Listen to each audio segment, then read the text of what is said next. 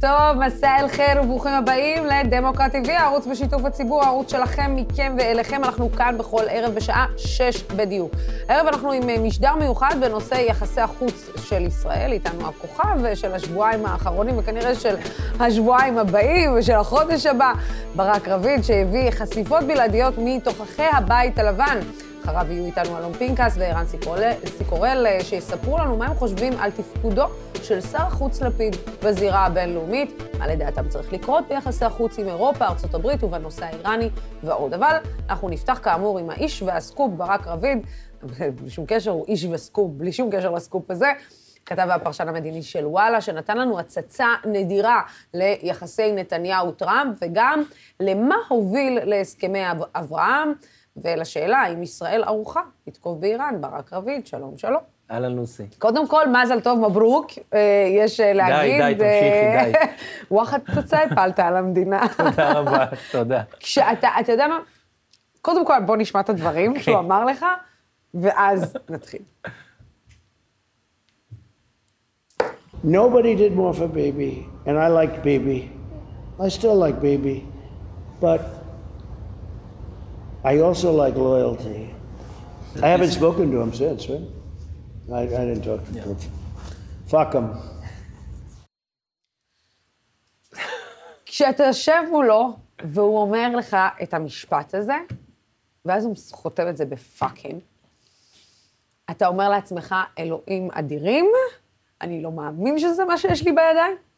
אני מנסה לשמור כמה שיותר על פאסון, כי את יודעת, אני אומר לעצמי, רגע, אולי הוא לא שם לב, אולי הוא ככה, אם אני אראה נלהב מדי, אולי הוא יגיד, אה, וזה היה off record, כן?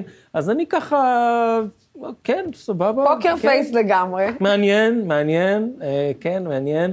אה, זהו, והאמת היא אבל שהשימוש במילה עצמה היה כמובן די שוק, אבל כל ה-20 דקות שלפני, לזכותו של טראמפ ייאמר שהוא בנה קייס אה, די אה, מפורט נגד נתניהו, אה, כלומר, הוא התחיל עם, ה... עם כך שהוא די בשלב מוקדם הבין שנתניהו מורח אותו והוא לא באמת רוצה שלום עם הפלסטינים, המשיך עם זה שעם התחושה שלו שנתניהו ניצל אותו קצת בנושא האיראני, עבר לזה, סיפר שהוא התרגז מהניסיון של נתניהו לעשות את מחטף הסיפוח והוא עצר אותו, ואז, אחרי כל אלה, הוא הגיע לסיפור של הבחירות, עם זה שנתניהו בירך את uh, uh, ביידן, והשאר היסטוריה. כן. אבל uh, כי, עכשיו, למה אני אומר שהכעס של טראמפ היה נראה כל כך עמוק? כי בשלב מסוים, הוא אומר לי עוד פעם ועוד פעם ועוד פעם, נתניהו היה הראשון שהתקשר לביידן, הוא היה הראשון, ואני אומר לו, אדוני הנשיא, אתה יודע, לזכותו ייאמר, הוא לא היה הראשון, אוקיי? אז הוא אומר, טוב, אתה יודע מה? הוא היה, עשה את זה מוקדם, אוקיי? Okay? It was early. Let's say it was earlier than the most. יותר מוקדם יותר מהרוב. מהרוב. ואז הוא יצא עם, ה, עם הקללה הזאת.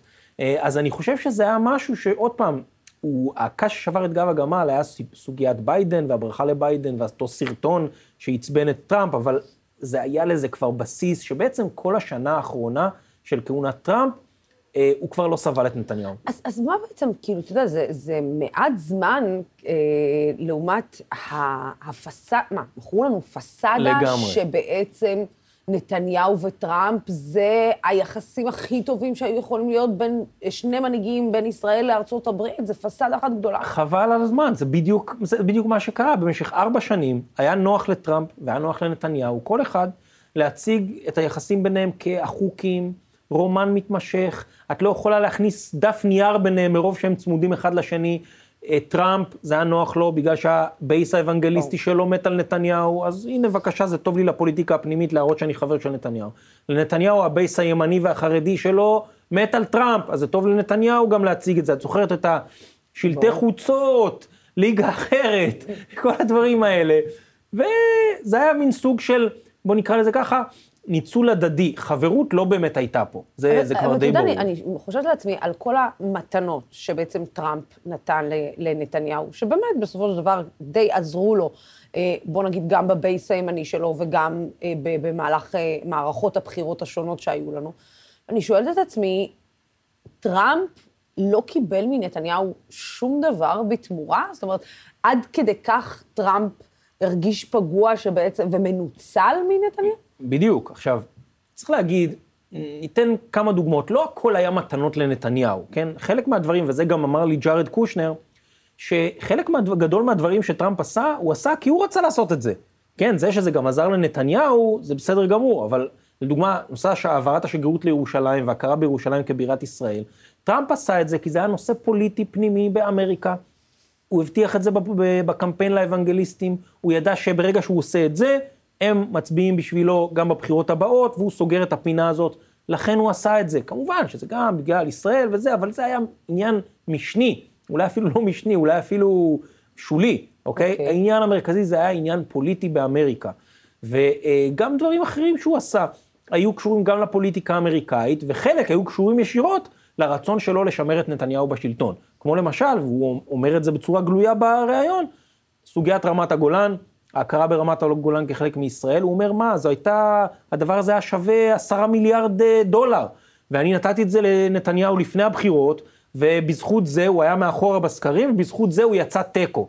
אז עוד פעם, אני לא יודע אם באמת זאת הייתה השפעה, אבל בעיני טראמפ זה היה המצב. ולכן, אחרי שהוא עושה דבר כזה... כן, אם אנחנו חוזרים שנינו עכשיו אה, לאותן כותרות של ההכרה בגולן, ולהזכיר לך את כל אותם פרשנים שישבו באולפנים מנופחים, ו... ו... ו... והמתנה הגדולה ש... והגולן, יש מצב שאולי טראמפ צודק. אה, היה לזה דברור מאוד רציני מאנשיו של נתניהו ובדפי המסרים. ודאי, אגב, סקר של המכון הישראלי לדמוקרטיה הראה ש-67% מהציבור היהודי בישראל חשב שההכרה בגולן תעזור לנתניהו בבחירות, זה היה לפני, זה היה ממש כמה ימים לפני הבחירות. עכשיו, קשה לדעת באמת האם זה הוציא אנשים להצביע או דברים כאלה, אבל בסוף זה כן היה לזה איזושהי השפעה כנראה, וודאי שזה לא הזיק לנתניהו, ו... אה, אבל מה קרה? הרי אותן בחירות הסתיימו בזה שבסוף נתניהו לא הצליח להרכיב ממשלה. נכון. ואנחנו לעוד בחירות, וטראמפ התחרפן מזה. והוא בעצם תפס את זה במיוחד אחרי שגם בבחירות השניות נתניהו ממש הפסיד לגנץ, כי גנץ היה גדול ממנו גם כמפלגה וגם כגוש. טראמפ נשאל יום אחרי הבחירות השניות בישראל, בספטמבר 2019, אומרים לו, מה דעתך על ההפסד של נתניהו? אז הוא אומר, מה, היחסים שלנו זה עם ישראל. לא עם נתניהו, עם ישראל. ומהנקודה הזאת, הוא הבין שכמה שהוא השקיע בנתניהו, זה לא הניב דבר, כן?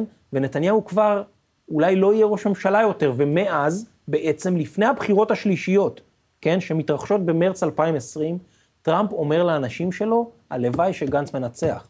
למה? וואו. כי הוא אומר, הוא אומר, עם נתניהו, הוא לא באמת רוצה שלום, לא נצליח לקדם ככה עסקה עם הפלסטינים, והפלסטינים מתעבים את נתניהו.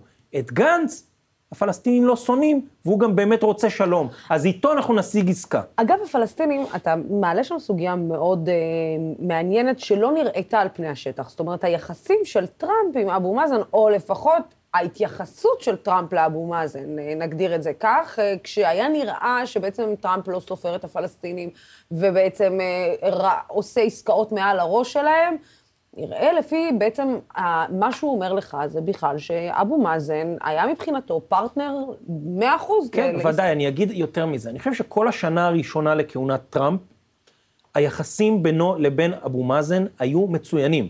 טראמפ גם אומר לי, הוא אומר, הוא היה כמו דמות אב בשבילי, שזה דבר טוב, מדהים. זה, זה כאילו הפוך לגמרי ממה שאנחנו לגמרי, ראינו, הפוך. ממה שאנחנו לגמרי. קיבלנו את הרושם. כן, עכשיו, מה קרה? בעצם כשטראמפ מקבל את ההחלטה על ירושלים, הדבר הזה מתפוצץ, הפלסטינים מחרימים את הבית הלבן. עכשיו, טראמפ והאנשים שלו ידעו שזה יעשה בעיות עם הפלסטינים, הם לא תיארו עד כמה. Mm-hmm. זה היה אולי הטעות הגדולה ביותר שלהם, הם חשבו שזה יהיה איזה אה, מהמורה, כן. אה, ונתגבר. הם לא הבינו עד כמה זה עמוק, זו הייתה הטעות שלהם, שהם לא הבינו את אולי הצדדים היותר אמוציונליים, נרטיביים, היסטוריים של הסכסוך הזה, הם לא הבינו אותם, באמת, פשוט לא הבינו. ואני גם אומר יותר מזה, אני חושב ש... בדיעבד, אם את שואלת אותי מה הייתה הטעות הגדולה ביותר של הפלסטינים במהלך כהונת טראמפ, זה היה לפוצץ את הכל על ירושלים ברמה כזאת של זהו, לא לדבר יותר עם הבית הלבן, כיוון שטראמפ, והוא אמר לי את זה, שהוא הבין את, את האירוע של ירושלים כ... אני נותן עכשיו משהו גדול לישראלים, בפעם הבאה אני נותן משהו גדול לפלסטינים. הוא גם דרך אגב אמר את זה, אני חושבת, באחד ה... מפגשים כן, שם, כן, זאת אומרת ודאי. ש... הוא אמר, ישראל היא הבאה בתור היא לשלם. הבאה- נכון, נכון. ו- ואני אומר יותר מזה, בתוך הצוות, בתוך הממשל טראמפ, האדם הכי אה, מאוזן בנושא הישראלי-פלסטיני היה טראמפ עצמו. ולכן אני חושב שזו הייתה טעות כל כך, כל כך קשה של, של אבו מאזן אה, ושל סאיב עריקאת עליו השלום, שהחליטו לנתק את הקשרים, להחרים את הבית הלבן, ובעצם לא לחדש אותם אה, בכלל, כי בעצם, גם אם מסתכלים על תוכנית טראמפ, בסוף תוכנית טראמפ אומרת שתי מדינות עם בירה בירה במזרח ב- ירושלים. נכון. זה, זה מה שיש בתוכנית. אני לא, אני לא חושב שאם היית שואלת את אבו מאזן בנובמבר אה, 2017, לפני שטראמפ מקבל את ההחלטה הזאת לירושלים, האם הוא חושב שבסוף תהיה תוכנית של שתי מדינות עם בירה מזרח ירושלים, הוא היה אומר לך, מה פתאום, לא, לא יקרה. והנה זה קרה.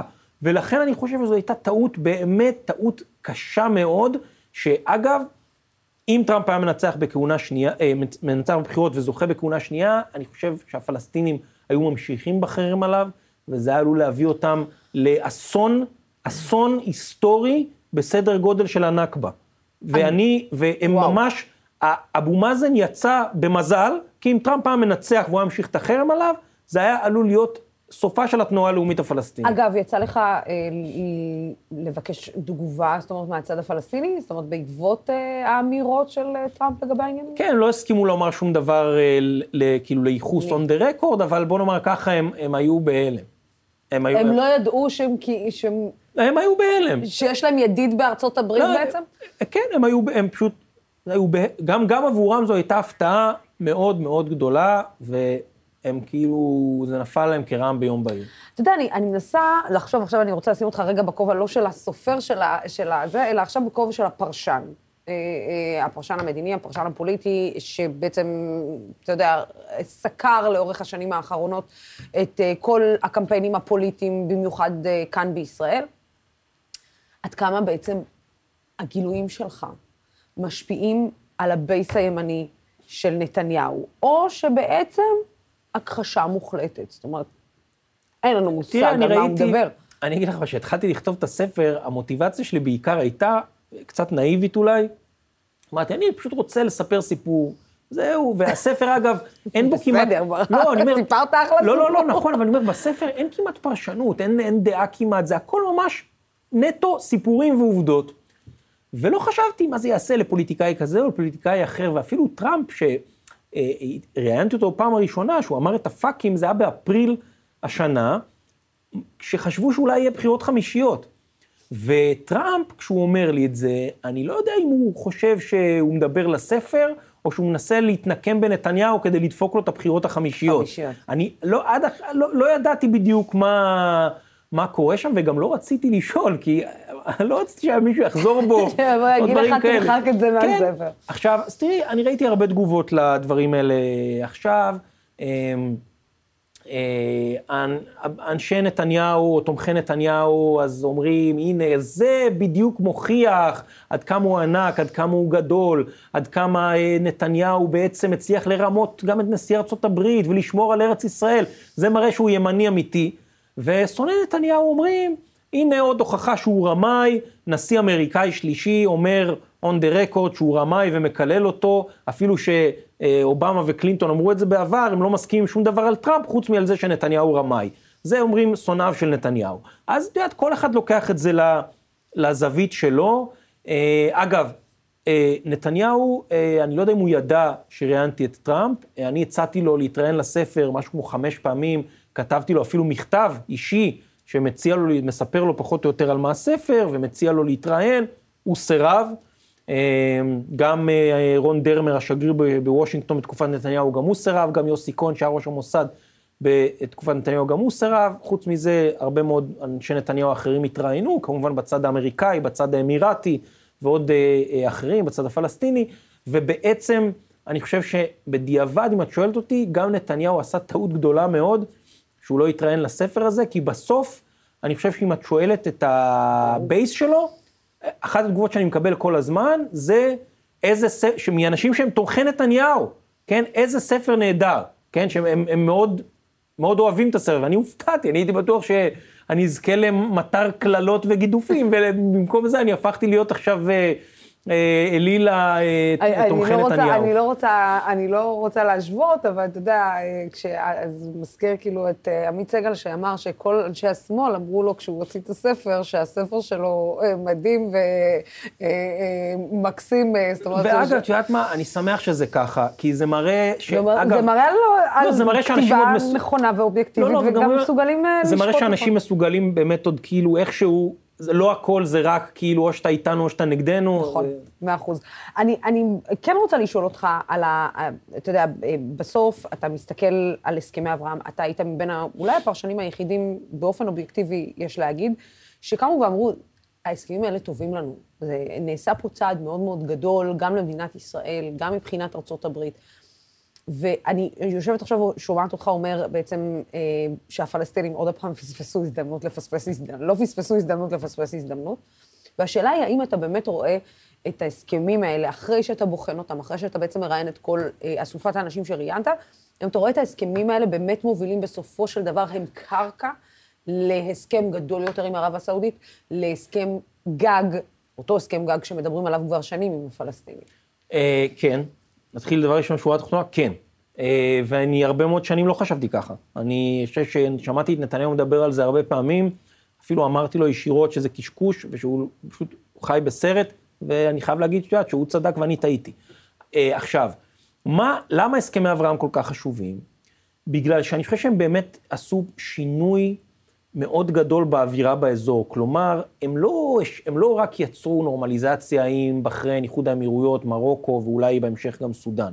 הם עשו משהו יותר מזה, הם השפיעו דרמטית על היחסים של ישראל עם מצרים, כן. חיממו אותם מאוד. מאז חתימה על הסכמי אברהם, היחסים עם מצרים הפכו להיות, אני לא רוצה להגיד שלום חם, אבל זה כבר לא שלום לגמרי קר, אוקיי? זה דבר חשוב. ירדן קרה אותו דבר, הירדנים מחממים את היחסים עם ישראל. אה, אני אגיד יותר מזה, אני חושב שההסכמים האלה עשו שינוי דרמטי בתוך החברה הישראלית. אה, אני אתן לך דוגמה, ואני מציין שם בספר בחור בשם חמאדה עודה מכפר קאסם, שהוא, אני לא יודע אם את זוכרת, הלך עם שני חברים שלו, לבשו אה, דשדשות וכפיות כאלה של זה, הלכו לשדרות רוטשילד והצטלמו כאילו הם תיירים מדובאי, וכל היהוד עמדו בתור להצטלם איתם סלפי. שבאמת, רק בשביל שהם בסוף יגידו להם שמכפר קאסם הסתלבטו עליהם, והם העלו את זה אחרי זה ליוטיוב. עכשיו, למה האירוע הזה כל כך חשוב? כי הוא מראה, בעיניי, ומאז היו עוד דוגמאות לזה, איך ההסכמים האלה, אני חושב שריככו, ריככו את הדרך שבה יהודים בישראל מתייחסים למילה ערבי, אוקיי? זה אחד. שתיים, מה הם עשו? הרי הדבר הזה בא להצבעה בכנסת, והרשימה המשותפת הלכה להצביע על זה. והצביעו כולם נגד. פה אחד, 15 ח"כים נגד. הדבר הזה הוביל, בין השאר, זה היה אחד הדברים שדחפו לפירוקה של הרשימה המשותפת ולריצה העצמאית של מנסור עבאס. מנסור עבאס אמר לי את זה, שזה היה מבחינתו הקש שבר את גב הגמל, כי הוא בא ואמר באותה ישיבה, הוא אמר, תגידו, אנחנו, איך אנחנו יכולים להצביע על משהו שהכותרת שלו היא שלום? שלום. בואו, לא נבוא, נצא מהאולם, נימנע, אבל להצביע נגד.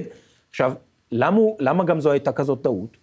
כיוון שהציבור הערבי בישראל, לפי כל הסקרים, 70 בעד. אחוז, חשוב, אמרו בעד. עכשיו, מה זאת אומרת? ברור שהם יהיו בעד, כי זה פותח ל... זה גם פותח לערביי ישראל הרבה מאוד אפשרויות שלא היו פתוחות בפניהם. בדיוק. ועזבי, זה יותר מהכל, אני חושב על עצמי, אם אני אזרח ערבי בישראל, שבמשך שנים אני מנותק מהסביבה התרבותית שלי, מה... מה, מה, מה אה, את יודעת, מה, מהלאום היותר רחב שלי, אני מנותק, אני לא יכול להיות בשום קשר כמעט.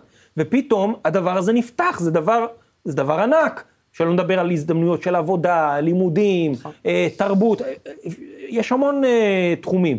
עכשיו, והציבור הערבי הבין את זה די בקלות ותמך בזה, ואז נוצר פער אדיר בין הציבור הערבי לח"כים הערבים, וזה גרם גם להתפרקות הרשימה המשותפת. אז שני הדברים האלה, השינוי בחברה היהודית והשינוי בחברה הערבית, אני חושב שגם הביא למצב שבו פתאום יכול להיות, אה, יכולה להיות רשימה, אה, מפלגה ערבית בקואליציה, והיהודים זה מבחינתם כבר לא איזה טאבו ענק, גם בצד הערבי זה לא, אנשים זורמים עם זה. עכשיו, ואז מה קרה, אם חושבים על זה?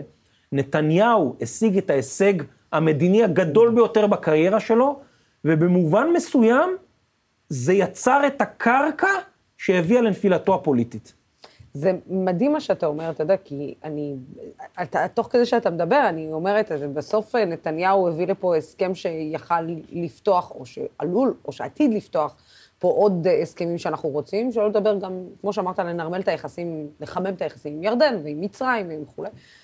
אבל באמת, מה הסיכוי שאנחנו, שבסוף הדבר הזה מביא את הסטייק הגדול? אוקיי, okay, אז תראי, דבר ראשון, אני חושב שסעוד... הסטייק הגדול סטון, זאת הרעיון. לא, זאת אומרת, כן. סעודיה זה לדעתי בהחלט משהו שאפשרי. הוא אגב לא קשור לישראל בכלל.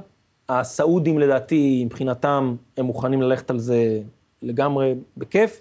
רק מה, הם רוצים להוציא מארצות הברית, כאילו בעצם הסכם הנורמליזציה הזה, הוא לא הסכם נורמליזציה בין ישראל לסעודיה, הוא הסכם נורמליזציה בין סעודיה לארצות הברית, לנרמל את מוחמד בן סלמן, יורש העצר, שהיום הוא נחשב למוקצה בוושינגטון. זה יצטרך לקרות לפני שסעודיה תנרמל יחסים עם ישראל, ברגע שזה קורה, לדעתי הסעודים הולכים על זה. עכשיו, הסכמי אברהם, צריך לזכור, נתניהו שיווק את זה כשלום תמורת שלום וכל מיני כאלה וזה, בסוף זה לא היה תמורת של, שלום תמורת שלום, זה היה שלום תמורת שטחים. בסוף נתניהו ויתר על סיפוח 30% מהגדה המערבית, זה דבר שהוא מאוד רצה לעשות, הוא היה רציני בזה, זה לא היה ספין. אז הוא ויתר על זה, זה דבר אחד, ולכן האמירויות גם, אני חושב, הצילו פה את פתרון שתי המדינות, זה דבר אחד. דבר שני, מאז שההסכמים האלה נחתמו, אה, גם בחריין, גם איחוד האמירויות וגם מרוקו, הייתה מלחמה בעזה, נכון? בחודש מאי. כן. הם לא ניתקו את היחסים, אוקיי? נכון. מה הם כן עשו?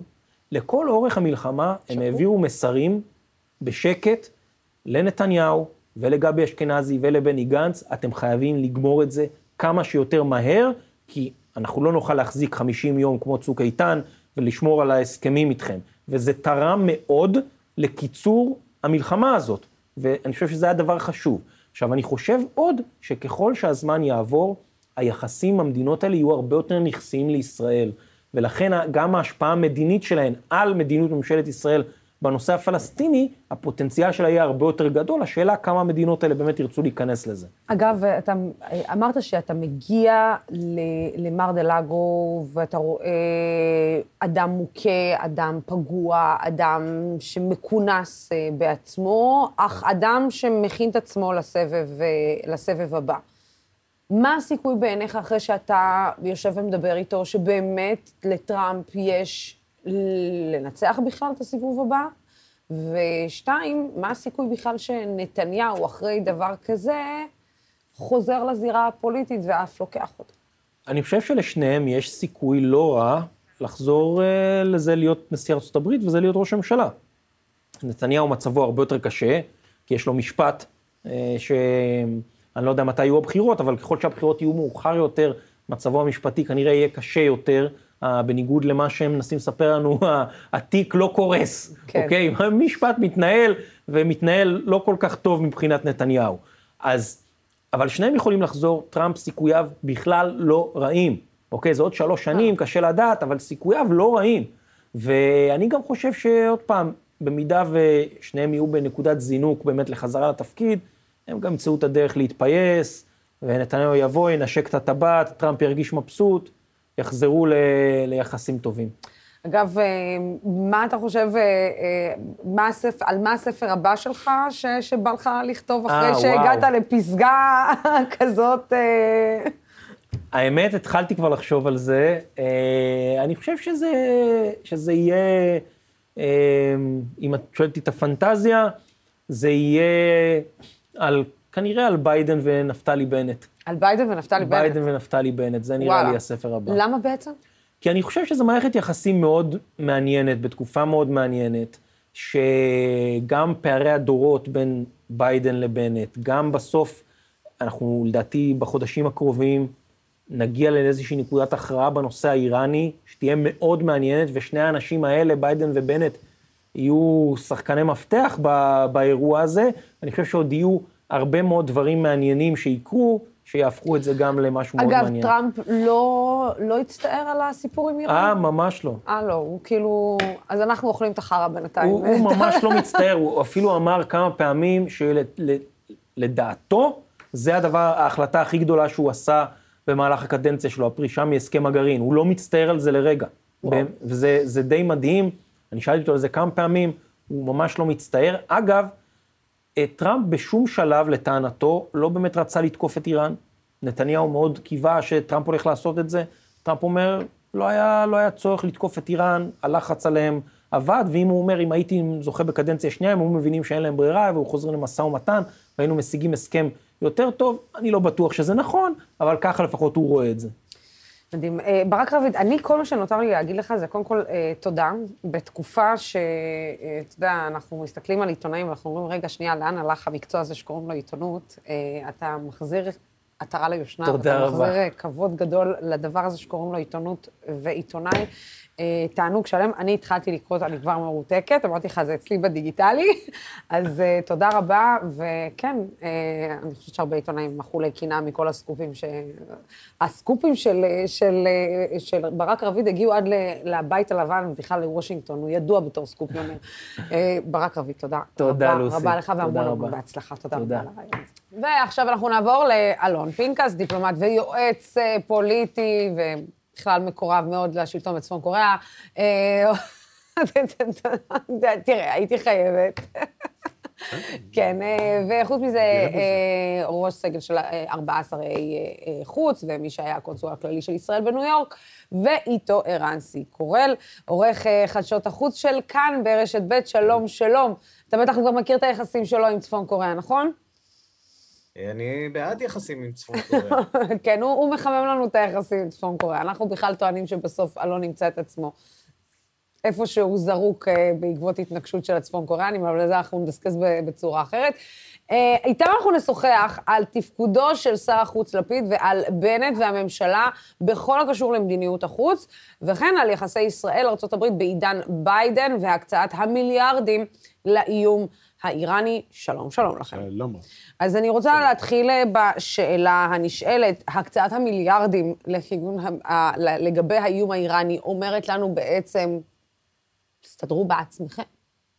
איפה ראית הקצאת מיליארדים? לא, המוכנות, ללכת אה, להכין את הצבא, כן, כן תרגילים, לא אוקיי. תרגילים. אתה יודע, הגדלת התקציב ל... יש, יש פה מגוון של אה, הסברים לזה. הצבא רוצה עוד תקציב. נתניהו בתגובה, או הליכוד בתגובה, אומר שנתניהו בשעתו ביקש והצבא סירב, דבר משונה ותמוה כשלעצמו. מתי ראש ממשלה מחליט שרוצה להעתיק תקציב מא' לב' והצבא מסרב. אוקיי. חלק מזה קשור להרתעה, כלומר, תחזיקו אותנו, אנחנו יכולים. חלק מזה קשור להשפיע על השיחות שהאמריקאים מנהלים בווינה באופן עקיף עם ה... בסוף, בסוף, בסוף, בסוף, בסוף, אין שום תקיפה באיראן. אוקיי. Okay. ישראל יכולה לתקוף מטרות איראניות בסוריה, יכולה לתקוף מטרות או אינטרסים איראניים בלבנון, יכולה אפילו להגיע עד עיראק. ישראל לא יכולה, מבחינת ההיתכנות של העניין, וגם מבחינה מדינית, אבל זה עניין אחר, לא יכולה באמת להשמיד אה, או להשיג אחורה באופן משמעותי להרבה שנים את תוכנית הגרעין של איראן. אה, יתרה מכך, אה, בואי נצייר את התרחישים בקצרה. Mm-hmm. אם יש הסכם, ישראל בוודאי לא יכולה לעשות את זה. אוקיי. Okay. אם אין הסכם, למה שישראל תעשה את זה אם איראן לא באמת מתקדמת? ואיראן, פה יש איזה עניין של שימוש בטרמינולוגיה או במיסוג אה, מטעה, איראן לא מתקדמת בתוכנית הצבאית, איראן מתקדמת ביכולת וביכולות הטכנולוגיות וב... על מנעד של מדינת סף. אוקיי. Okay. תחשבי שנייה על זה שיש לך שלושה מוסכים, באחד יש מנוע, באחד יש שלדה, ובאחד יש את המסביב, את הגלגלים ואת הזה וזה. יש לך או אין לך אוטו? אם אני מחברת את שלושת, אומרת, אם אני מחברת את שלושת המוסכים... יפה, אה, אבל לוקח זמן לחבר אותם. Mm-hmm. ישראל אומרת, זה אוטו. העולם אומר, זה עוד לא אוטו. זה סף אוטו. זה אותו דבר עם איראן.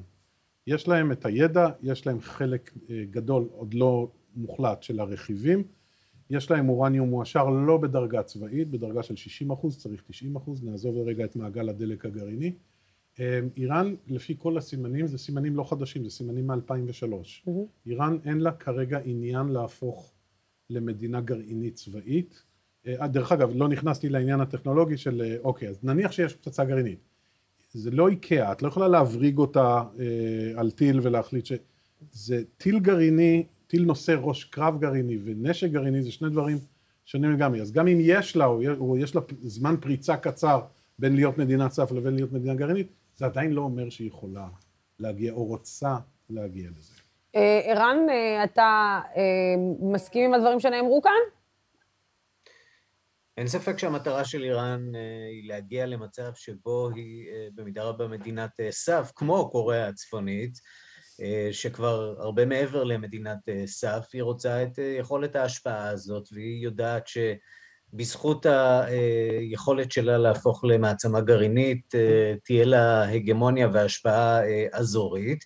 אה, כרגע זה נראה כאילו שכבר מאוחר מדי לעצור את אה, איראן, איראן אמנם לא תלך עד לשלב הסופי, אבל היא בהחלט אה, צועדת בכיוון הזה של להיות מדינת סף גרעינית, וזה בהחלט צריך להדאיג את ישראל. ספק אם ישראל יכולה לעשות משהו ברמה האסטרטגית.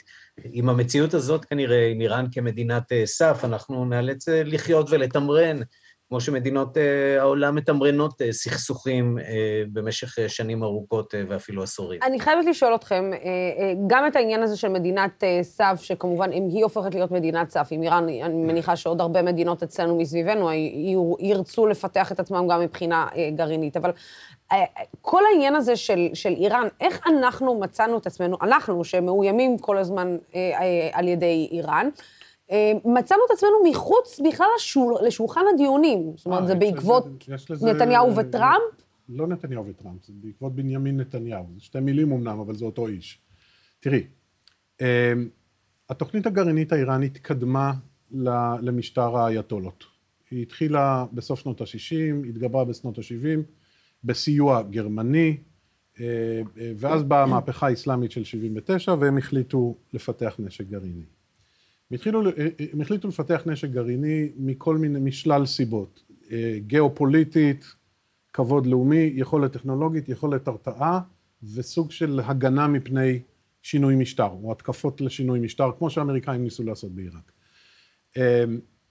איראן מסתכלת על שלוש מדינות כדוגמה, ומשם גוזרת את ההתנהגות שלה. לא, לא, לא. איראן מסתכלת על קוריאה הצפונית, okay. אוקיי. צחוק צחוק, ואומרת, אוקיי, אלמלא הם פיתחו בין 20 ל-40 פצצות, לפי ה-CIA, יש להם בין 20 ל-40 פצצות, והיכולת הטילית של קוריאה הצפונית גדולה לאין שיעור מזו של איראן. Mm-hmm.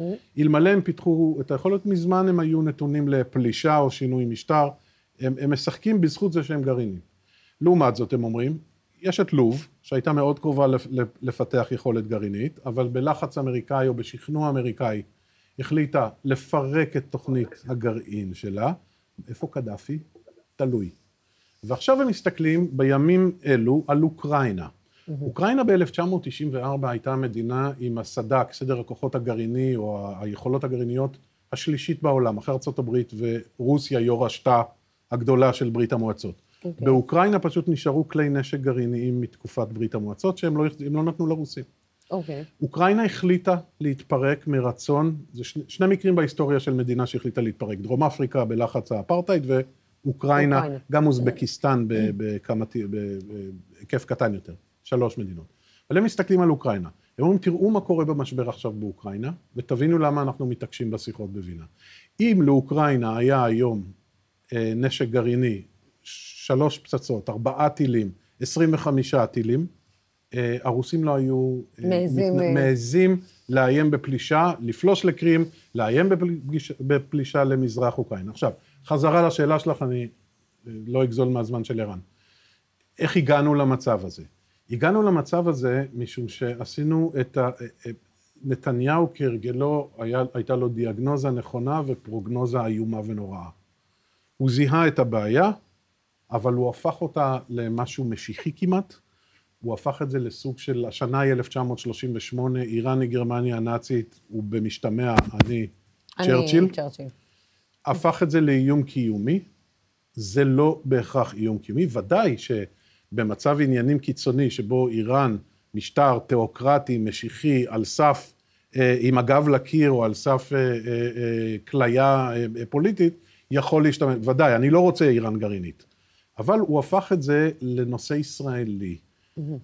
שנים הוא התהדר בזה שהוא זה שהסב את תשומת לב העולם לבעיה האיראנית. זה נכון. ואז חלה תפנית. מ-2015 חלה תפנית סביב הסכם הגרעין, והוא עשה מה שנקרא ישראליזציה מוחלטת. תשאלי היום בן אדם מעורה, לא בן אדם ברחוב, בטוקיו, באמסטרדם, בשיקגו, בבואנוס איירס, על העניין האיראני, הם יגידו שזה עניין ישראלי. זה לא מעסיק את ארגנטינה, לא את יפן, לא את uh, uh, הולנד, ובקושי רב את ארצות הברית.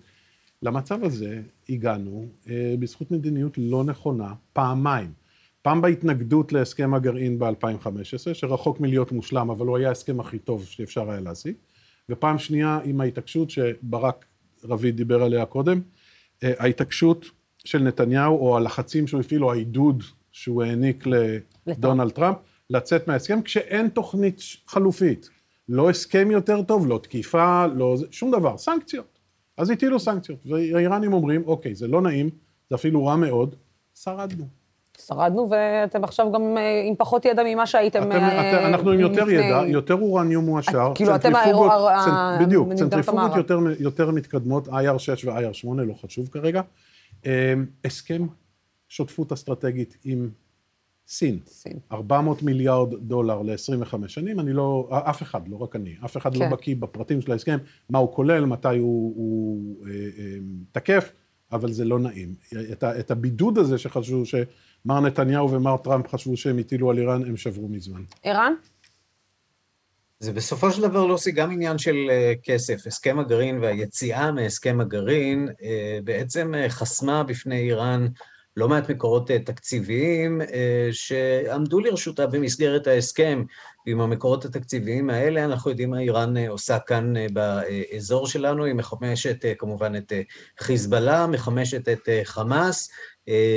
במצב הקיים שבו אין הסכם גרעין, מרחב התמרון של איראן במצבה הנוכחי הוא לא מאוד טוב, וזה ללא ספק מכביד עליה.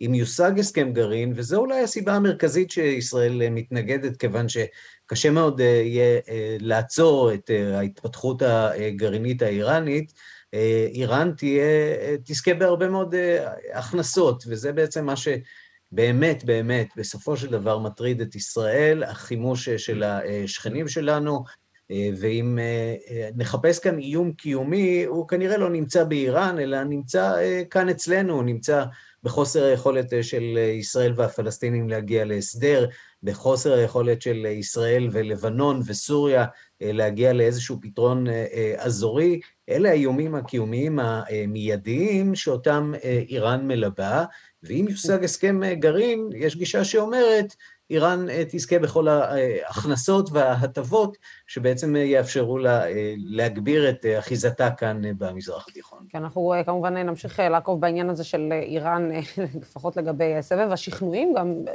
אפרופו של גנץ שיצא בסבב שכנועים, של להסביר כמה המצב הוא חשוב וכמה הסיפור של לחזק את ישראל ולתחזק את ישראל מול איראן זה דבר מאוד מאוד חשוב. זה מוביל אותי, האמירה הזאת, למצבה של ישראל במדיניות החוץ שלה. אפשר להגיד שבנימין נתניהו היה לא רק ראש ממשלה, הוא היה גם שר החוץ, הוא היה הרבה מאוד דברים. הוא ניהל את אה, בעצם מדיניות החוץ של ישראל. בימים שלו, אפשר להגיד שמשרד החוץ כבר כמעט לא היה קיים. אה, יגידו את זה גם אה, אנשי משרד החוץ. אנחנו רואים עדיין, אני יכולה להגיד, לפחות אמירה שלי, משרד חוץ מנומנם בתקופה של בנט ולפיד. זאת אומרת, משרד חוץ שמנסה לשמור על, אתה יודע, אוקיי, בוא נעבוד, בוא רגע נעשה איזה פוטו-אפים טובים, נוודא שאנחנו מעלים את הקטעי עיתון הנכונים אה, לטוויטר כשאנחנו, אה, כשאנחנו מעלים, אבל בסוף, משרד חוץ שבאמת יוצא ונותן עבודה, כמו שפעם תפקיד שר חוץ היה, לא ממש. תראי, אני אגיד לך על זה שני דברים. אה, אחד, סדר היום העולמי הוכתב בידי מגפת קורונה, ומשרד חוץ, משרד החוץ הישראלי בפרט, אבל משרדי חוץ בכלל, אה, ירד, ירד נפח הפעילות שלהם, במיוחד משרדי חוץ שלא עוסקים בנושא. יש משרדי, שלא עוסקים בנושא של הקורונה. כלומר, יש משרדי חוץ בעולם שכל הקשר לארגוני, לארגונים הבינלאומיים זה בתחום אחריותם. כן. אצלנו זה משרד הבריאות, וזה נוהל דרך קבינט קורונה, וזה בעצם נוהל בידי נתניהו, שבעצם דיבר אתמול בלילה עם אלברט בורלה מפייזר, ואוקיי. אה, אז, אז משרד החוץ פה שותק, ו, ועוד לפני יאיר לפיד, היה גבי אשכנזי שלא יצא מהארץ, אולי פעם אחת או פעמיים, כי אי אפשר היה לצאת מהארץ. כן. עכשיו, זה הדבר הראשון. הדבר השני, אין תהליך מדיני עם הפלסטינים, וגם לא יהיה תהליך מדיני עם הפלסטינים. למה לא יהיה תהליך מדיני עם הפלסטינים? אני לא נכנס פה להתחיל עם ה... כן מודל שתי מדינות, לא מודל שתי מדינות, כן אבו מאזן אשם, לא אבו מאזן... מהסיבה הפשוטה שהממשלה הזו החליטה והצהירה על החלטתה, והכניסה את זה כמדומני גם לדפ... לקווי היסוד שלה, אה, שהיא תימנע מעיסוק בנושאים אה, שנויים במחלוקת, או כל דבר שעלול או עשוי לפגוע בהרמוניה ושלמות הקואליציה. כלומר, שלמות הקואליציה פה היא הדבר הכי, הכי אה, משמעותי. עכשיו, מה זה שלמות הקואליציה? הקואליציה הזו מושתתת על גלוטן, על, על חלבון גלוטן שנקרא בנימין נתניהו. הוא הגלוטן, okay. הוא אוקיי. מחזיק את הכל ביחד. ת, תזיזי את נתניהו, אני לא יודע אם הממשלה מחזיקה מעמד. כמובן, אני מדבר בשפת בתי קפה, נופלת מחר, לא נופלת מחר, אבל הוא, הוא, עכשיו, אה, במצב כזה את לא רוצה, גם מבחינת ההטרוגניות של הקואליציה. תשמעי, יש פה, יש פה את מרץ, את אה, אה, גדעון סער, את התנועה האסלאמית ואת מרב מיכאלי, כשבאמצע מר גנץ ומר לפיד כנדבכים מרכזיים של המרכז. זו ממשלה שאם היא תעז לעשות משהו בנושא הפלסטיני או להצהיר אבל, הצהרות... אבל הנה, אבל בדיוק בעניין הזה של הנושא הפלסטיני, תקשיב, אי אפשר להתעלם, הרי יש, כשעומר בר-לב נפגש עם... עם אפשר להתעלם.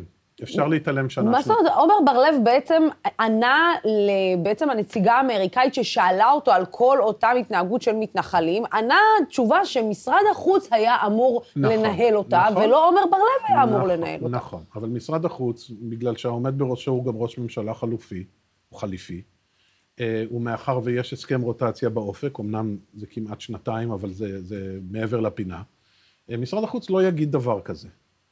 אמ, שר החוץ לא יגיד דבר כזה. אז עומר בר-לב אמר את זה. אז איילת שקד תקפה אותו. אז ההוא הגן עליו, אז ההיא הגנה עליה, אוקיי, וכן הלאה וכן הלאה וכן הלאה. שמעי, אה, כל עוד הממשלה קיימת במתכונת, בהרכב הנוכחי, והסכם הרוטציה הוא מעבר לפינה, לא יהיה שום משא ומתן עם הפלסטינים. שימי לב שבהתחלה, בתחילת הכהונה של הממשלה, אמ, בנט, ראש הממשלה בנט, כן. דיבר על אה, קיבוץ הסכסוך. שרינקינג, mm-hmm. uh, צמצום, קיבוץ, או איך שאת לא רוצה לקרוא לזה. וזה הבל הבלים.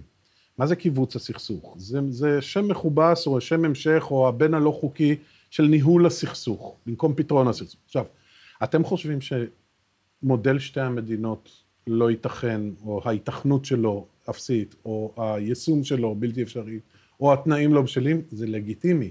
יש טיעונים חזקים מאוד נגד. תקומו ותגידו מה כן.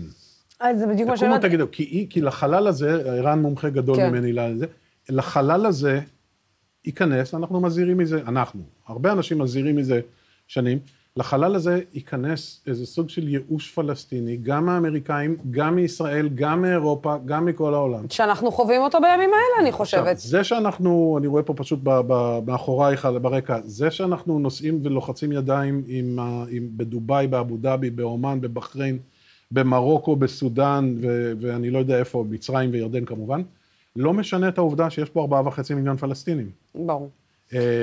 אגב, אה, אה, ערן, אה, אתה שומע את הדברים האלה. אתה יודע, בסוף ממשלה שחרתה על דגלה את הנושא שאולי הכי עניין את ה, גם את אירופה וגם את האמריקאים, ושלחה לפה אין ספור שליחים כדי לדון בנושא הזה, ואז פשוט הממשלה הזאת אומרת, אני בנושא הזה לא דנה. איפה זה שם אותנו מבחינת יחסי החוץ? כמה אתה באמת יכול ללכת לבחריין וללחוץ ידיים ולהגיד להם, שומעים, ארבעה מיליון פלסטינים שקיימים פה, אנחנו לא, לא רואים אותם בינתיים. מבחינות מסוימות זה שם את אה, הממשלה הנוכחית או את ישראל במצב מאוד אה, נוח, יש לה אה, תירוץ והסבר. מדוע היא לא מתקדמת בתהליך המדיני, וכרגע, במצב הקיים, שבו כל העולם עסוק בקורונה ובמשברים עולמיים גדולים יותר, אנחנו על, אולי על סיפה של מלחמה בין אוקראינה לרוסיה, שלא לומר בין ארצות הברית לרוסיה, הנושא הישראלי-פלסטיני הוא עניין שצריך לנהל אותו, אבל הוא ודאי לא הנושא המרכזי שמעסיק את העולם. מה שישראל יכולה כרגע לעשות זה באמת להדק את הקשרים שלה עם מדינות האזור, לנסות לייצר פה בריתות, אבל ברור שבממשלה הנוכחית, במסגרת הנוכחית, וגם במצב של הפלסטינים, לא צפוי שנראה כאן איזשהו שינוי בחודשים או בשנים הקרובות. ויכול להיות שאנחנו לא צריכים לצפות לשינוי, יכול להיות שהשינוי יהיה דווקא שינוי תהליכי. הזכיר כאן קודם ברק רביד את עניין כניסתה של תנועת רע"מ לתוך הממשלה. יכול להיות שהשינוי שמתחולל, או יכול להתחולל בין ישראל לפלסטינים, דווקא יתחולל בבית, לא בתחום מדיניות החוץ, אלא בתחום מדיניות הפנים. יכול להיות שייווצרו כאן עם הזמן איזה שהם גשרים שיאפשרו כאן סוג של דו-קיום, אולי דרך גורם נוסף שקיים פה בתוכנו. יכול להיות שהמדינה הדו-לאומית נמצאת מעבר לדלת והיא כבר מקבלת איזה סוג של צעד ראשון בשילובה של מפלגה ערבית בתוך הקואליציה. כך שייתכן שהשינויים לא יגיעו דווקא ממדיניות חוץ, אלא ממדיניות פנים, והבנה שצריך למצוא דרכים להתמודד עם היומיום, ובמידה רבה העובדה שאין ציפיות, יכולה אולי לאפשר לשינויים להתרחש מלמטה, להגיע מהשטח. ועדיין, ערן, אתה יודע, כשאני מסתכלת על המצב הנוכחי כרגע, ועל הגל, נקרא לזה, אני לא אוהבת לקרוא לזה גל, אבל ההתפרצות הזעם הפלסטינית שאנחנו רואים בתקופה האחרונה, כמו שבעצם אלון כאן מסביר, זה לא משהו שאתה יכול להתעלם ממנו. זאת אומרת, הרי התמונות האלה, מתישהו, איכשהו אנחנו, כמו שאנחנו מורגלים, אם אנחנו מידרדרים לעוד מבצע, ואם אנחנו מידרדרים להסלמה כאן באזור, זה לא משהו שאתה באמת יכול להמשיך ולנהל מול העולם אה, ולהגיד, אני בזה לא נוגע. יותר מזה, שם את ישראל במצב הרבה יותר אה, קשה מול מדינות ומול ההסברה, בואו נגדיר את זה, אם כבר, אם היא קיימת עדיין, ההסברה הבינלאומית בזירה הבינלאומית. ויותר מזה, גם אני לא צריכה להגיד, גם, אתה יודע, מצב האנטישמיות שהיום באופן אוטומטי כבר אי אפשר לנתק אותו מישראל. זאת אומרת, ישראל והאנטישמיות זה שני דברים שהולכים יד ביד. האם ישראל בכלל יכולה לאפשר לעצמה להמשיך להתנהל בצורה הזאת? כן, ישראל, ישראל יכולה להרשות לעצמה, ועובדה, היא מאפשרת לעצמה כבר הרבה מאוד שנים. לא אינתיפאדה הצליחה לשנות את זה, לא הראשונה, אולי הראשונה קצת כן, השנייה ודאי שלא. ודאי שטרור יחידים לא ישנה את הרצונות של ישראל. מה שישנה זה אולי דורות שהתחלפו כאן, ואיזה רצון לפיוס עם פצעים שקצת פחות ידממו, אבל פתרון מסודר, אני בספק אם זה אפשרי, וגם לחץ בינלאומי, בואי נודה על האמת, לא רק שזה לא מצליח, גם קיבלנו הוכחות בשנתיים, שנה, שנתיים האחרונות. שגם מדינות ערביות בסופו של דבר נשברות ומכוננות קשרים עם מדינת ישראל ומצליחות להביא את, אפילו את רמת התיירות, אני אגיד לך מה, ההורים שלי עכשיו נמצאים באיחוד האמירויות. זה משפט שאני לא חושב שיכולתי להוציא מהפה שלי לפני שנה, שנה וחצי. זה פשוט בלתי נתפס, כך שקורים פה דברים מתחת לפני השטח ומעל פני השטח שהם לא בהכרח תהליך מדיני, ויכול להיות שאיתם צריך להתגלגל עד שתיווצר פה, פה מוטיבציה. טרור, אין לי ספק שלא יביא ולא יחולל או לא, לא יקדם תהליך מדיני, אלא בדיוק להפך. זה צריך לבוא מתוך תחושה עמוקה של הישראלים, שהם מסוגלים לסמוך על האויב שלהם או השותף שלהם. בצד הפלסטיני, וזה כרגע לא נראה באופק. אני, אולי בעוד דור שניים. אני רוצה רגע להפנות את תשומת לבכם לסרטונים שיושב ראש האופוזיציה מפרסם באנגלית בימים האחרונים. אתמול פנו ראשי סיעות הקואליציה בבקשה חריגה ליושב ראש הכנסת כדי לדון על סרטונים מסיתים לטענתם שפרסם באנגלית. יושב ראש האופוזיציה בנימין נתניהו, בואו נראה. I'm here in the Knesset, the Israeli parliament, which is the beacon of democracy in a very wide area. But this beacon is under threat.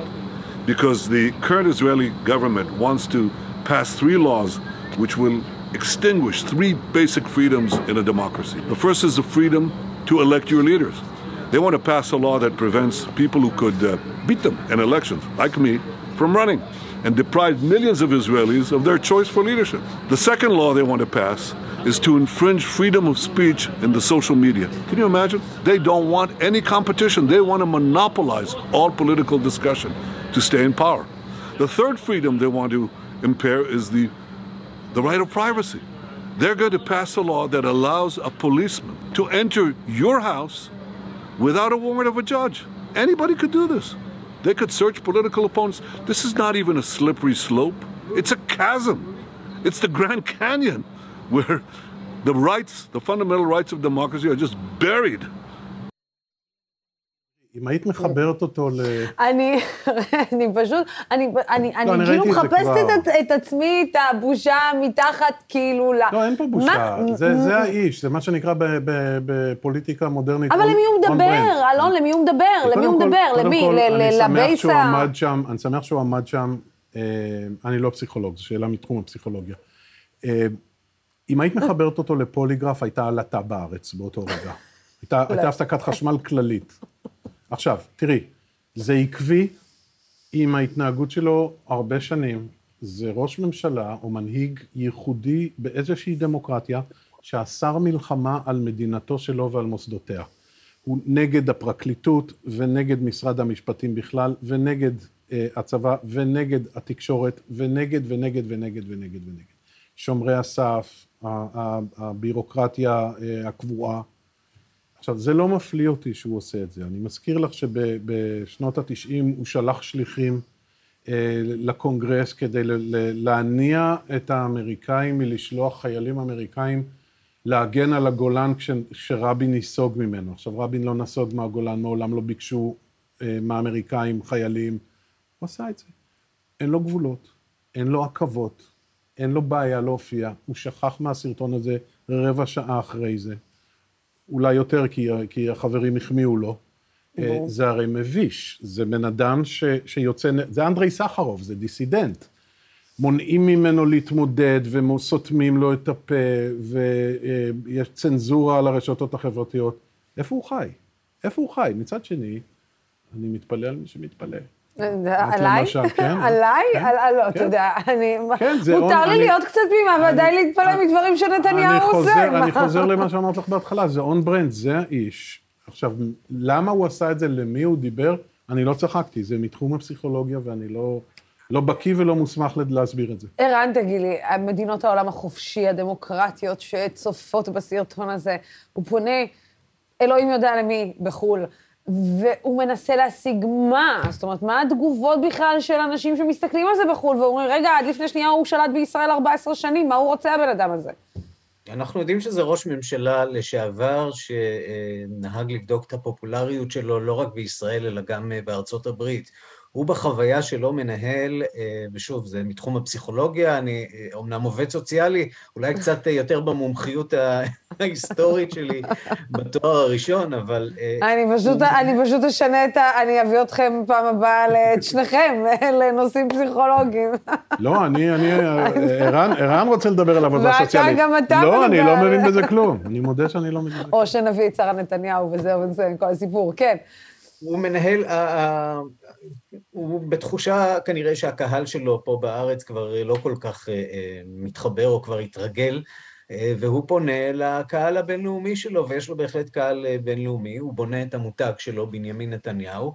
הוא לא אחת אמר שאם הוא היה אמריקני והיה מתמודד לבחירות בארצות הברית, יש סיכוי שהוא היה מנצח שם. יכול להיות שיש שם איזו מידה של פנטזיה או רצון אה, להמשיך לנהל איזה סוג של אה, דיאלוג או פלירטוט איטליה. עם הציבור האמריקני, עם אה, צופי רשת אה, אה, פוקס, אה, כשהרייטינג שלו פה בארץ, מה לעשות, אה, ב- בדעיכה. מה זה, הוא- כאילו מה, אה, הוא מכין את. מסע ההרצאות שלו בארצות הברית? הוא מכין את הספר אה, שהוא רוצה לכתוב?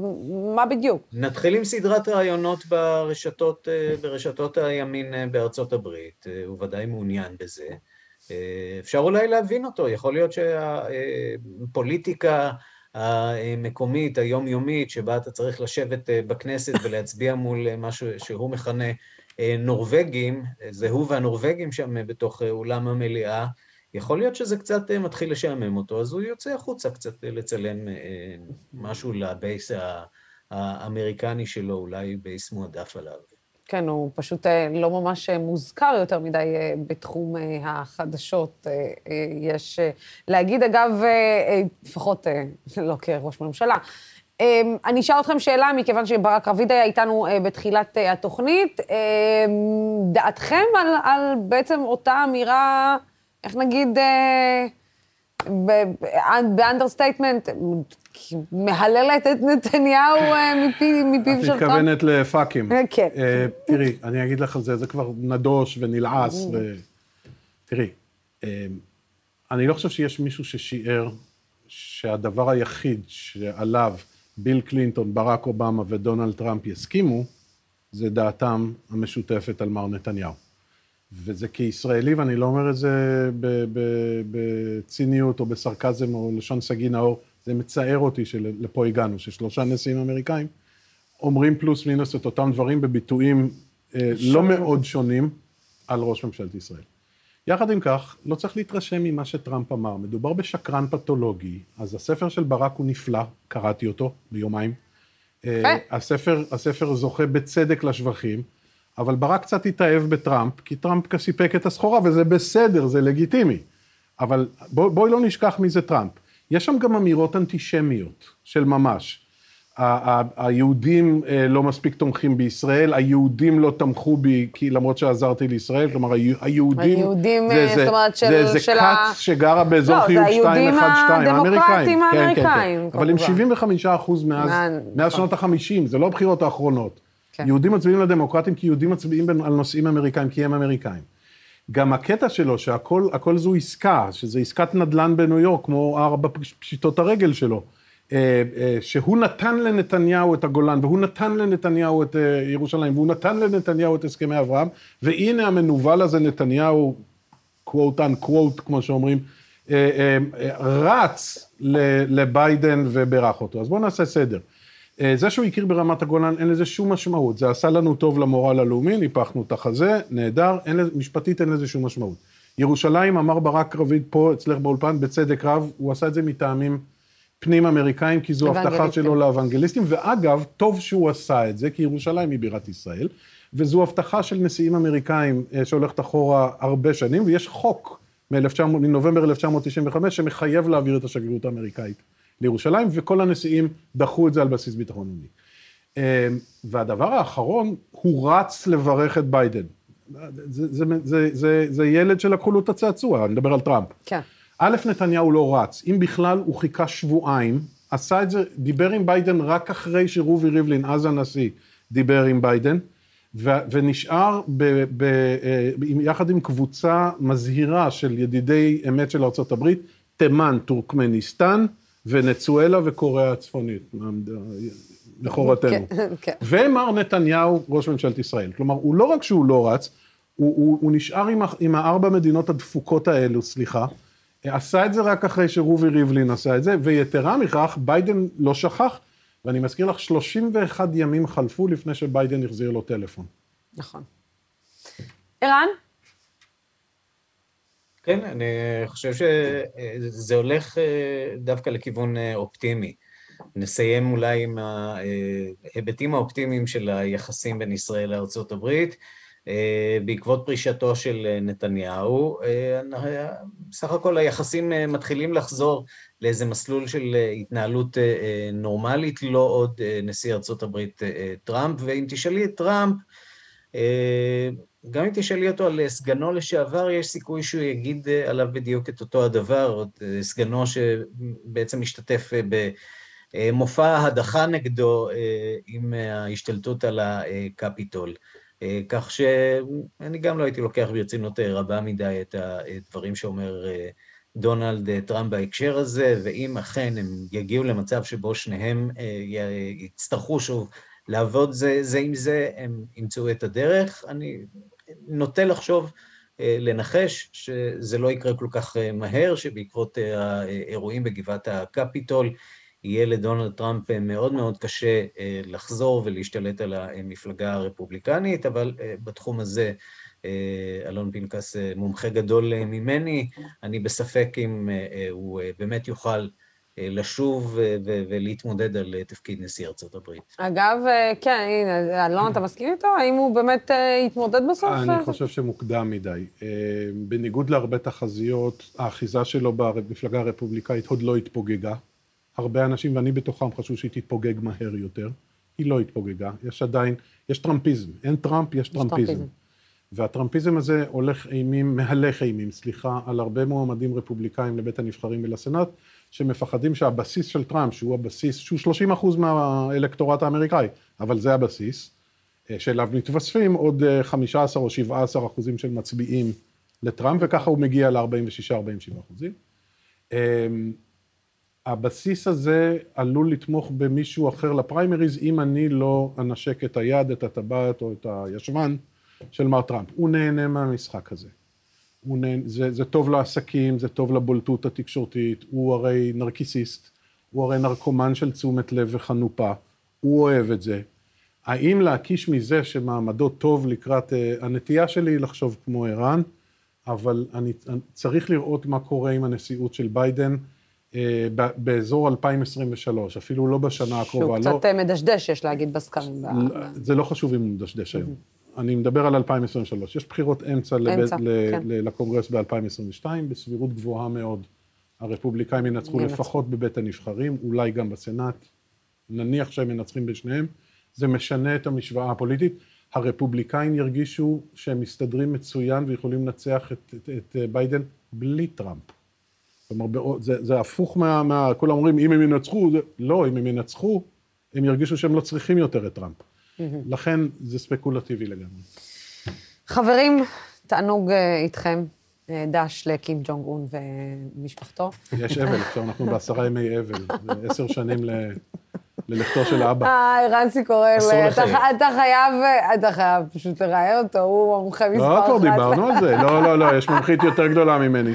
בחורה מאוניברסיטת חיפה, שי יגר, תראיין אה, אותה, לא אותי. אוקיי. אוקיי. אני ידיד המשטר, אני לא חוקר. אה. ידיד המשפחה קרוב, כן, אלון פינקס, רנסי קורל. תודה רבה לשניכם, ותודה רבה לצופים ולשותפים של דמוקרט TV. התוכנית הזאת אפשרית רק בזכותכם. בימים כמו אלו הולכת ומתחדדת החשיבות של ערוץ תקשורת שלא מפחד להביע עמדה נחרצת בעד הדמוקרטיה ובעד שלטון החוק, בעד המאבק בשחיתות ובעד מגוון של דעות. המהדורה המרכזית של דמוקרט TV בימים ראשון עד חמישי בשעה שש. אנחנו פה נהיה גם אחת בינתיים. סלמת.